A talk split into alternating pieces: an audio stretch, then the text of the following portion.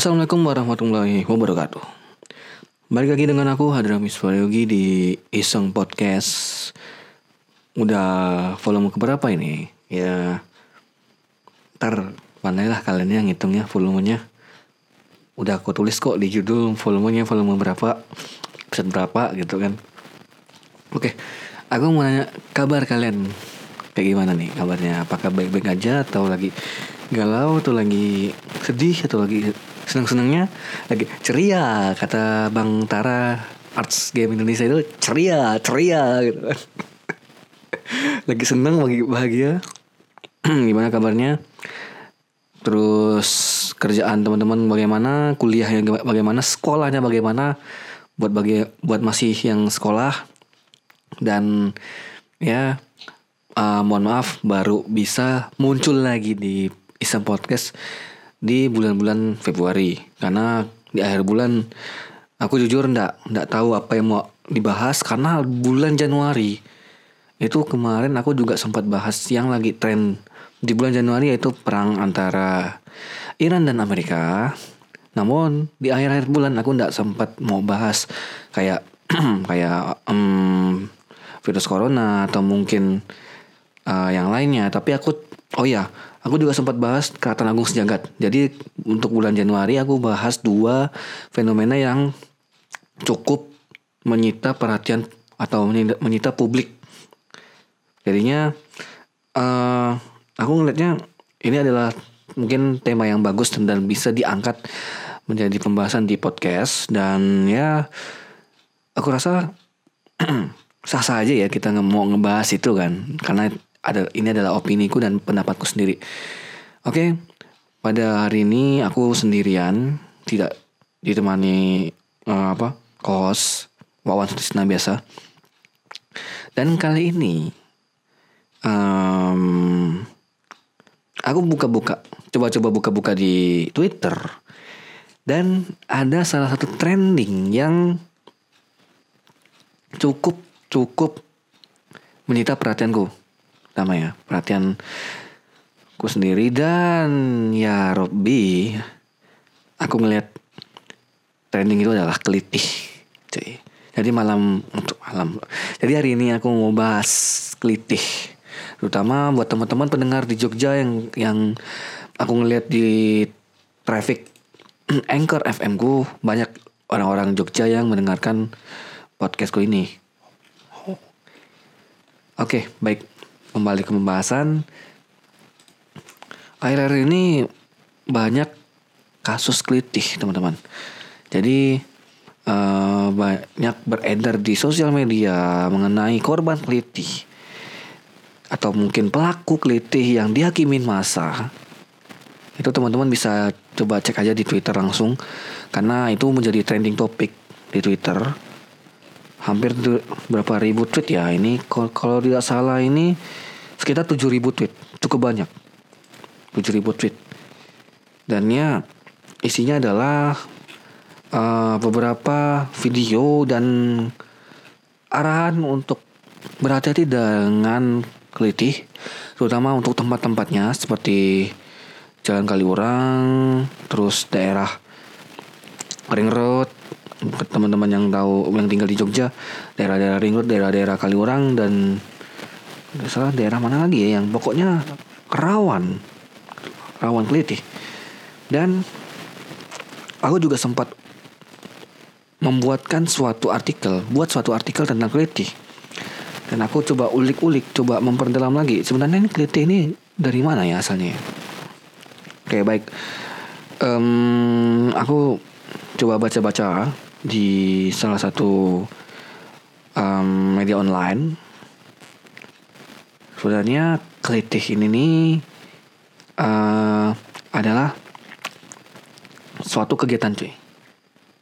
Kegiatan yang mana yang awalnya adalah untuk membela nama baik sekolah. Membela dalam artian di sini nih sebenarnya agak negatif ya kayak tawuran terus konvoy aku mau mohon maaf nggak tahu sejarah tentang pelajar di Yogyakarta tapi aku ngambil-ngambil sumber dari beberapa media online yang menyebutkan bahwa keliti adalah yang tadi kayak um, aksi turun ke jalan segala macam konvoy naik motor rame-rame terus juga membela nama baik sekolah. Ya intinya sep kayak seperti tawuran seperti itu. Nah dan sebenarnya nih pada tahun aku balik lagi ke pada ke tahun 90-an ya dulu tuh memang banyak beredar geng-geng yang cukup banyak di Jogja. Uh, dua geng terkenal yaitu geng Joksin dan QZRUH. Tulisannya QZRUH dan satunya adalah Jokzin, J O X Z I N. Nah, Kezru, aku bilangnya Kezru, QZRU itu kepanjangan dari Q T A Z nya suka R nya ribut U untuk T tawuran. Seperti itu teman-teman. Nah kalau Jokzin itu kepanjangannya adalah Jokso. Jokso ada jokes di sini. Zin itu zinting. Atau Pojoks pakai X Pojoks. Benzin ben pakai bensin tapi pakai bukan pakai S tapi pakai Z. Benzin ya. Nah itu menunjukkan adalah ini lebih menunjukkan tempat ya tempat dia biasa mangkal yaitu di pojok pom bensin alun-alun. Hmm aku kurang tahu juga sih pojok bensin alun-alun yang mana nih alun-alun utara atau alun-alun selatan? Gitu loh.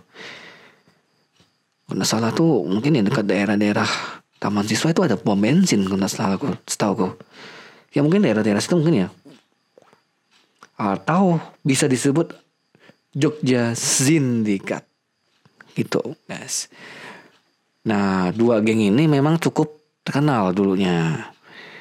Itu tahun-tahun 90-an nah jadi berawal dari suatu geng kemudian uh, ada juga yang menyebutkan bahwa Keliti ini dulunya adalah tawuran antar pelajar saling bela nama baik sekolah segala macam.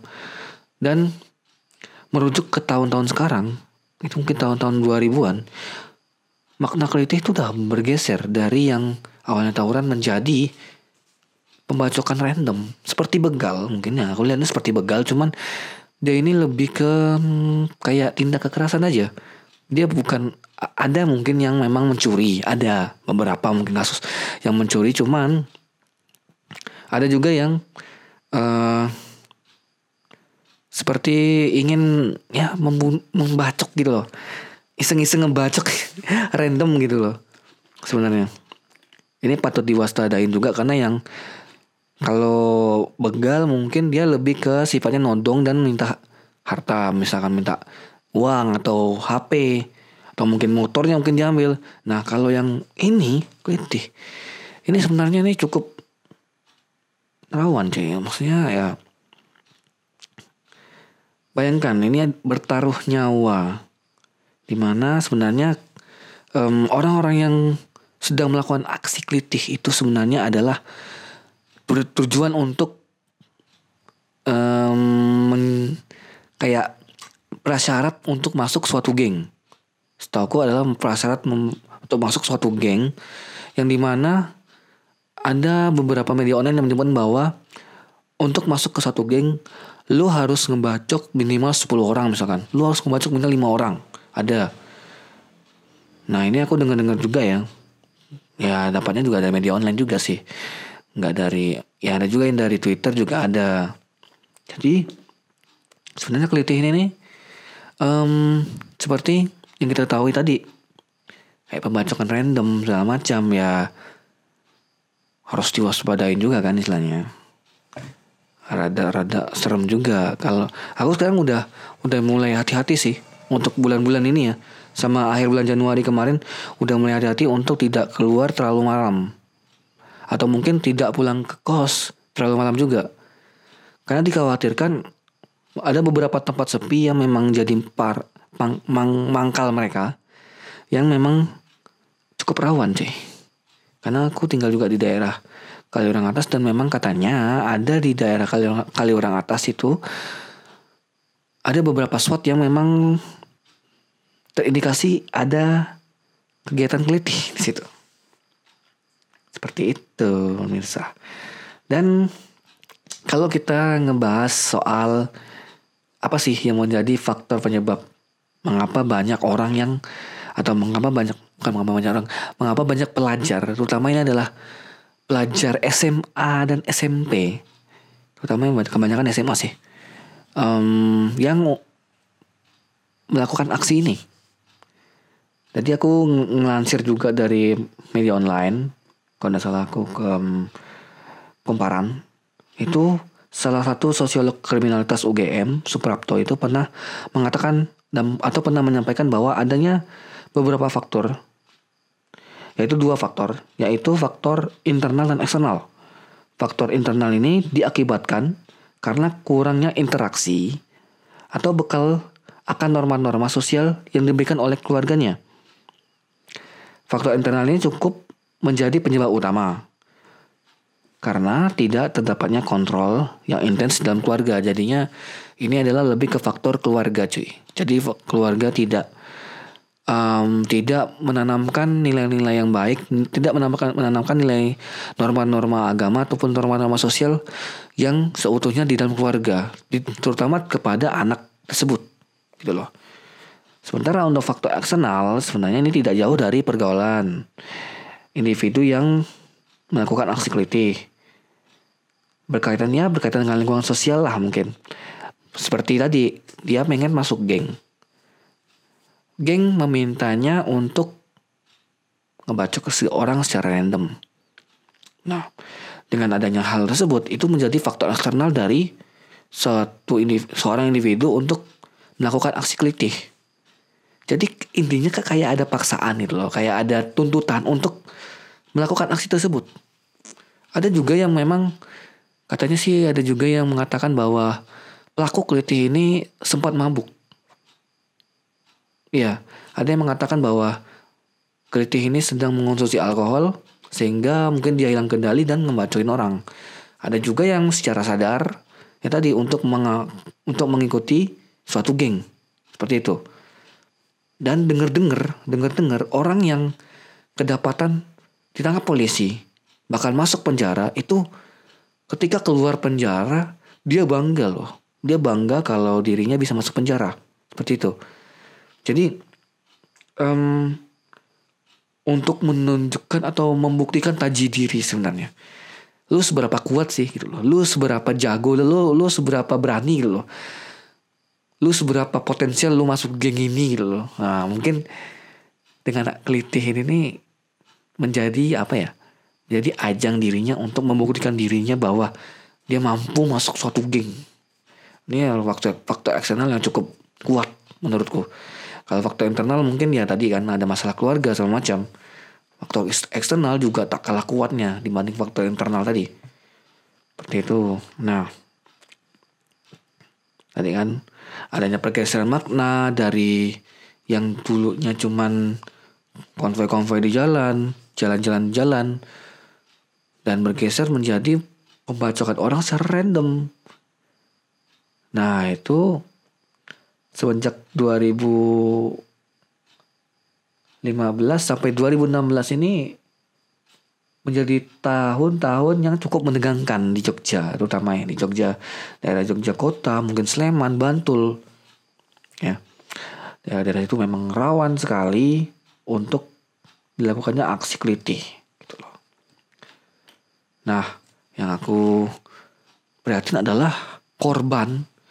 Korban dari aksi keliti ini kadang juga menyasar ke tidak hanya orang lokal, tidak hanya orang Jogja atau orang Sleman atau orang Bantul, tapi juga menyasar ke orang-orang yang luar daerah. Mungkin mahasiswa rantau atau mungkin orang yang sedang bekerja sini dari luar Jogja Nah itu bisa menjadi target dari kelitih.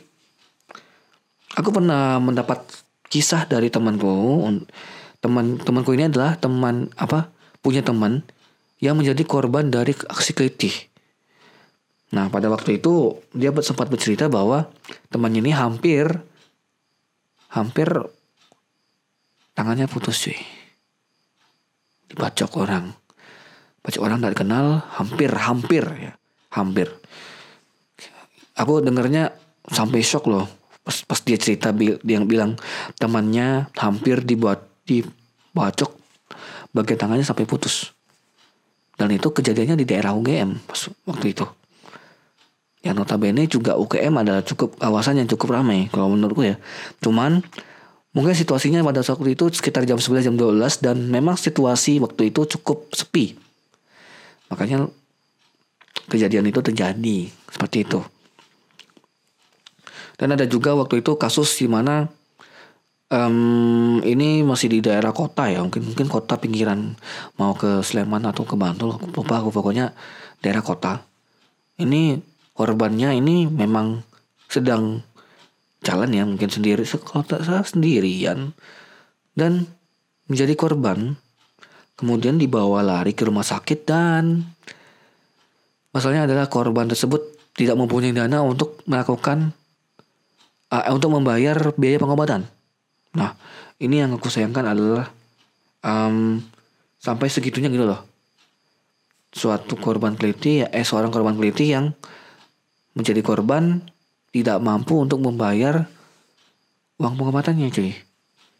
Ya ini aku juga prihatin. Maksudnya sampai segitunya gitu loh. Maksudnya sampai segitunya orang melakukan aksi kelitih dengan target korban yang tak main-main. Ngacak gitu loh.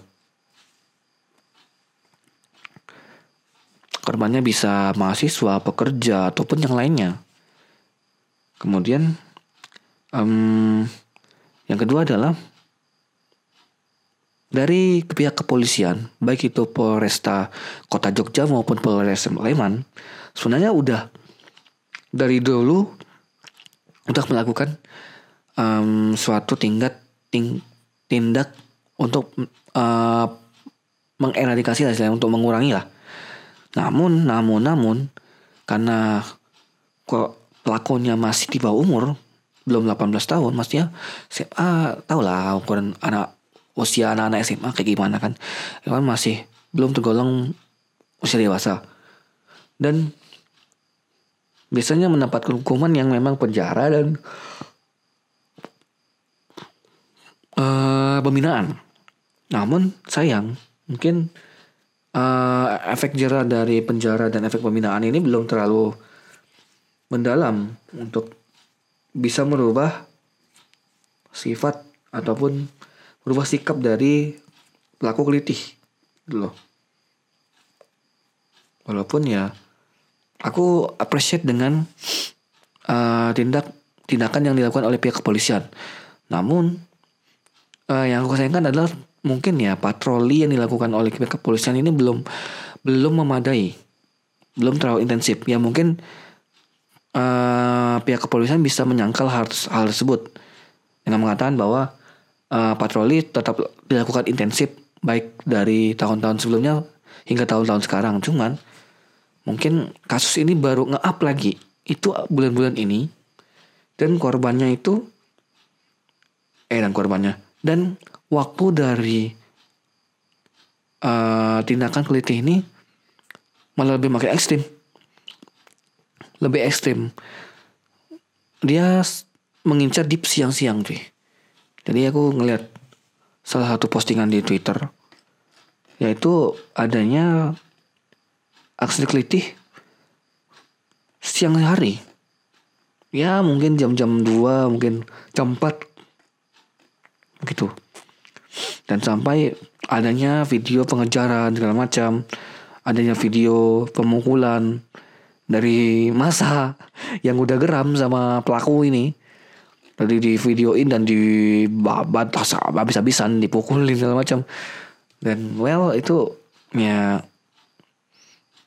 tidak tahu sih ini menimbulkan efek jerah apa enggak. Cuman ya sini aku juga takut menyinggung pihak pihak mana pun. Um, yang notabene aku adalah seorang dari rantau yang memang tidak tahu kultur dari um, pelajar-pelajar Jogja Namun yang aku dapat dari media mas media online adalah ya seperti ini. Tindakan ini, tindakan itu.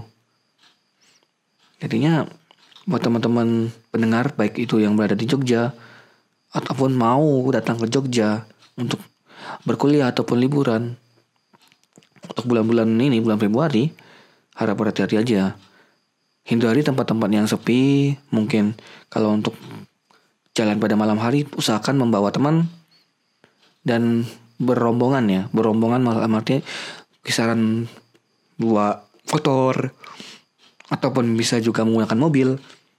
Nah itu dapat mengantisipasi tindakan keliti gitu loh. Jadinya uh, sama kritikku adalah melihat penanggulangan hal tersebut dari kepolisian nah mana dalam mana uh, kepolisian di sini belum terlalu nampak uh, belum terlalu nampak performanya gitu loh masih mengadakan laporan mungkin ya karena semenjak laporan ini cukup heboh di Twitter segala macam di media sosial, barulah polisi itu turun tangan seperti itu. Yang keherannya adalah ke kemarin ke mana ke mana ini polisi, gitu loh. Ke mana polisi ini nih? Kok sampai ndak ndak bisa mengeradikasi, ndak bisa menangani hal tersebut? Tuh dari tahun 2016 loh sampai sekarang belum. Pas itu pernah berhenti bentar, berhenti, eh muncul lagi ya aku juga bingung nih ada masalah apa ya kok bisa sampai uh, muncul lagi gitu loh jadi buat teman-teman yang di Jogja berhati-hati aja karena memang uh, sudah banyak hashtag dan sudah banyak testimoni apa testimoni laporan-laporan netizen yang menunjukkan adanya aksi kelitih sehingga ada yang mengatakan Jogja udah kayak GTA segala macam. yang udah kayak GTA cuy. Main macam-macam aja gitu loh. Oke, mungkin ini bisa jadikan dark jokes ya mungkin ya untuk melihat kondisi tersebut gitu loh. Ya menjadikannya ini adalah suatu jokes di mana kelitih adalah yang bersama dengan GTA pembacokan segala macam tindakan kekerasan di mana-mana peran geng-geng yang kita tersebar di kota Jogja dan sekitarnya ini adalah sebagai uh, bentuk ini ya bentuk ancaman kepada keamanan warga Jogja. Dan di sini peran polisi cukup signifikan. Harus harus melindungi dan harus mengayomi masyarakat gitu loh. Dan balik lagi ke tindakan preventif di mana polisi juga harus bertindak preventif atau mencegah untuk uh, kembalinya ke tindakan-tindakan kelitih nanti ke depannya gimana. Mungkin polisi bisa datang ke sekolah-sekolah untuk sosialisasi, kemudian untuk melakukan kaderisasi kepada uh, pelajar, ini bisa juga dilakukan gitu loh. Atau mungkin lebih ke pendekatan di internal. Tadi keluarga kan masalah keluarga. Jadi jangan sampai keluarga ini nih kayak uh, berusaha untuk uh, bisa menahan anaknya untuk tidak melakukan pergaulan di luar batas misalkan atau mungkin uh, coba memfilter teman-temannya bagaimana seperti itu ya tapi kalau untuk urusan, urusan memfilter itu kembali lagi ke individu anaknya masing-masing. Apakah dia, dia mampu memfilter apa enggak seperti itu. Mungkin uh, dari pembahasan yang tadi kita ngobrol-ngobrol singkat soal kritik, sebenarnya ini baru bahasan yang cukup singkat. Namun ada beberapa yang aku dengar-dengar ada UGM eh oke. Okay. Ya ya ya ya ya ada UGM podcast. Nah, aku tadi aku dapat dari grup jadi mungkin ya itu bisa dijadikan uh, informasi. Nanti mungkin aku akan taruh linknya di desk deskripsi deskripsi podcast ini. Aku taruh linknya dan teman-teman bisa dengar itu adalah pandangan dari kriminolog dan itu lebih komprehensif dan lebih mendetail untuk penjelasan dari kelitih dan ya kita tetap berdoa semoga Jogja tetap aman, Jogja tetap nyaman seperti tagline-nya. Jogja berarti nyaman gitu loh. Jangan sampai Jogja berhenti nyaman. Seperti itu. Tetap jaga keamanan, tetap uh, jaga diri, was was mawas diri dan untuk polisi uh, tetap mengayomi masyarakat, tetap uh, membantu masyarakat jika diperlukan dan mencegah tindakan ini terjadi kembali. Jadi untuk pemba uh, pembahasan tentang kritis sampai sini dulu. Um, terima kasih. Aku ucapkan terima kasih banyak kepada teman-teman pendengar yang sudah mendengarkan sampai menit ini.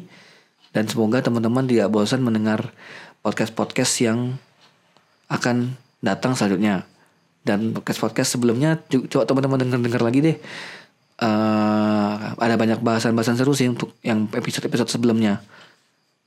Tapi bukan tentang litih gitu loh. Ya banyak sih tentang bahasan-bahasan yang telah aku angkat gitu. Ya mungkin uh, kalau ada saran, kritik maupun komentar bisa langsung uh, eh, DM Instagram aku di hadrami underscore suprayogi atau mungkin email di hadrami suprayogi at gmail.com atau mungkin kalau di Anchor bisa langsung send voice message atau mungkin ya tadi. Kalau di kalau kalian dengarnya di di Spotify kalian nggak bisa komen. Ya mau kirim um, komen apa bahasan atau uh, ide untuk podcast selanjutnya bisa langsung ke DM di Instagramku ataupun kirim ke email bisa. Atau mungkin kalian punya cerita baik cerita apa pun bisa langsung kirim aja. Aku bebas sih mau nerima cerita apa masalah uh, asmara atau mungkin masalah tentang kehidupan, masalah sosial bisa langsung aja kirim email gitu loh. Dan di sini aku juga bantu-bantu baca juga buat sahabat-sahabat pendengar yang memang pengen cerita namun terkendala nggak um, bisa ini nggak bisa itu bisa langsung kirimkan tulisan teman-teman ke emailku di tadi tuh hadramisperiogi at gmail.com gitu. Nanti aku tulis tentukan juga di deskripsi. Jadi aku ucapkan kembali terima kasih banyak untuk teman-teman yang mendengar di sampai di detik ini. Um, mohon maaf kalau memang misalkan pembahasan kali ini masih kurang lengkap dan kurang komprehensif. Dan mohon maaf juga um, baru muncul di di bulan-bulan ini. Insya Allah mungkin beberapa hari akan diupload. Um, ya tetap tetap tadi kesimpulannya udah kubacakan dan ya selamat apa selamat malam pagi siang sore buat teman-teman yang mendengarkan podcast ini dan terima kasih. Akhir kata wassalamualaikum warahmatullahi wabarakatuh